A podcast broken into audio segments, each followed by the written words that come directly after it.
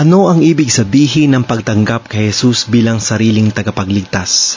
Tinanggap mo na ba si Heso Kristo bilang sarili mong tagapagligtas?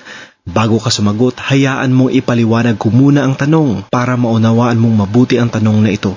Kailangang maunawaan mo muna ang mga salitang Heso Kristo, sarili at tagapagligtas. Sino si Heso Kristo? Maraming tao ang nagsasabing si Heso Kristo ay isang mabuting tao, dakilang guro at propeta ng Diyos. Totoo ang lahat ng ito, ngunit hindi sapat na paliwanag kung sino siya talaga. Sinasabi ng Biblia na si Jesus ay Diyos na nagkatawang tao. Ang Diyos ay naging isang tao. Juan Kabanata 1, talata 1 at 14. Naparito ang Diyos sa mundo upang tayo ay turuan, ituwid, patawarin, pagalingin at higit sa lahat, mamatay para sa ating mga kasalanan. Tinanggap mo na ba sa iyong puso ang Jesus na ito? Ano ang ibig sabihin ng tagapagligtas at bakit kailangan natin ang tagapagligtas?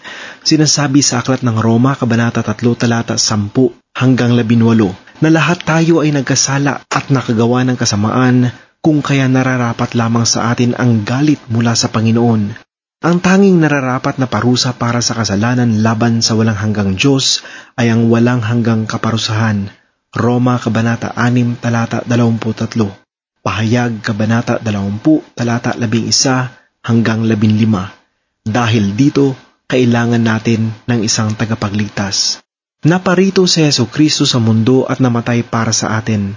Ang kamatayan ni Jesus bilang Diyos na nagkatawang tao ay isang walang hanggang kabayaran para sa ating mga kasalanan. Ikalawang Korinto, Kabanata 5, talata 21.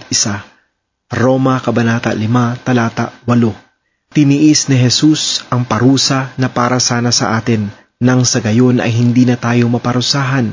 Ang muling pagkabuhay ni Jesus mula sa mga patay ay nagpapatunay na ang kanyang kamatayan ay sapat na bayad sa ating mga kasalanan. Kaya nga si Jesus lamang ang natatanging tagapagligtas nating lahat. 1 Kabanata 14 Talata 6 Mga Gawa Kabanata 4 Talata 12 Ikaw ba'y nagtitiwala na kay Jesus bilang iyong tagapagligtas? Si Jesus ba ang iyong tagapagligtas? Sa akala na maraming tao ang pagiging kristyano ay ang pagdalo sa simbahan, pagsagawa ng mga ritual, at ang hindi paggawa ng masama o kasalanan. Hindi ganyan ang kristyano.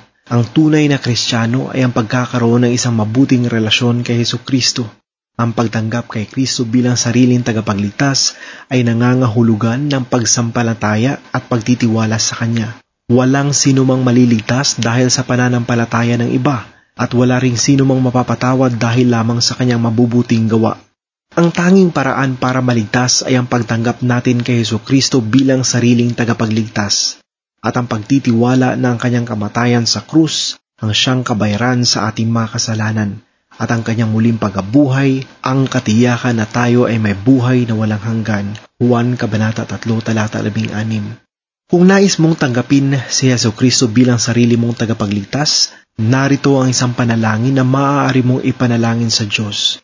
O Panginoon, alam kong nagkasala ako laban sa iyo at nararapat lamang na ako'y parusahan mo. Ngunit inako ni Jesus ang aking kasalanan at tiniis ang parusang dapat ay sa akin. Patawarin mo ako sa aking mga kasalanan. Tinatalikuran ko ang aking mga kasalanan at magtitiwala ako ngayon kay Jesus para sa aking kaligtasan. Tinatanggap ko si Jesus bilang sarili kong tagapagligtas. Salamat po sa iyong kahangahangang biyaya at kapatawaran at salamat din sa buhay na walang hanggan. Amen. Ikaw ba ay gumawa ng desisyon para kay Kristo dahil sa iyong mga nabasa dito? Kung oo, i-click ang tinanggap ko si Kristo ngayon sa ibabang kahon.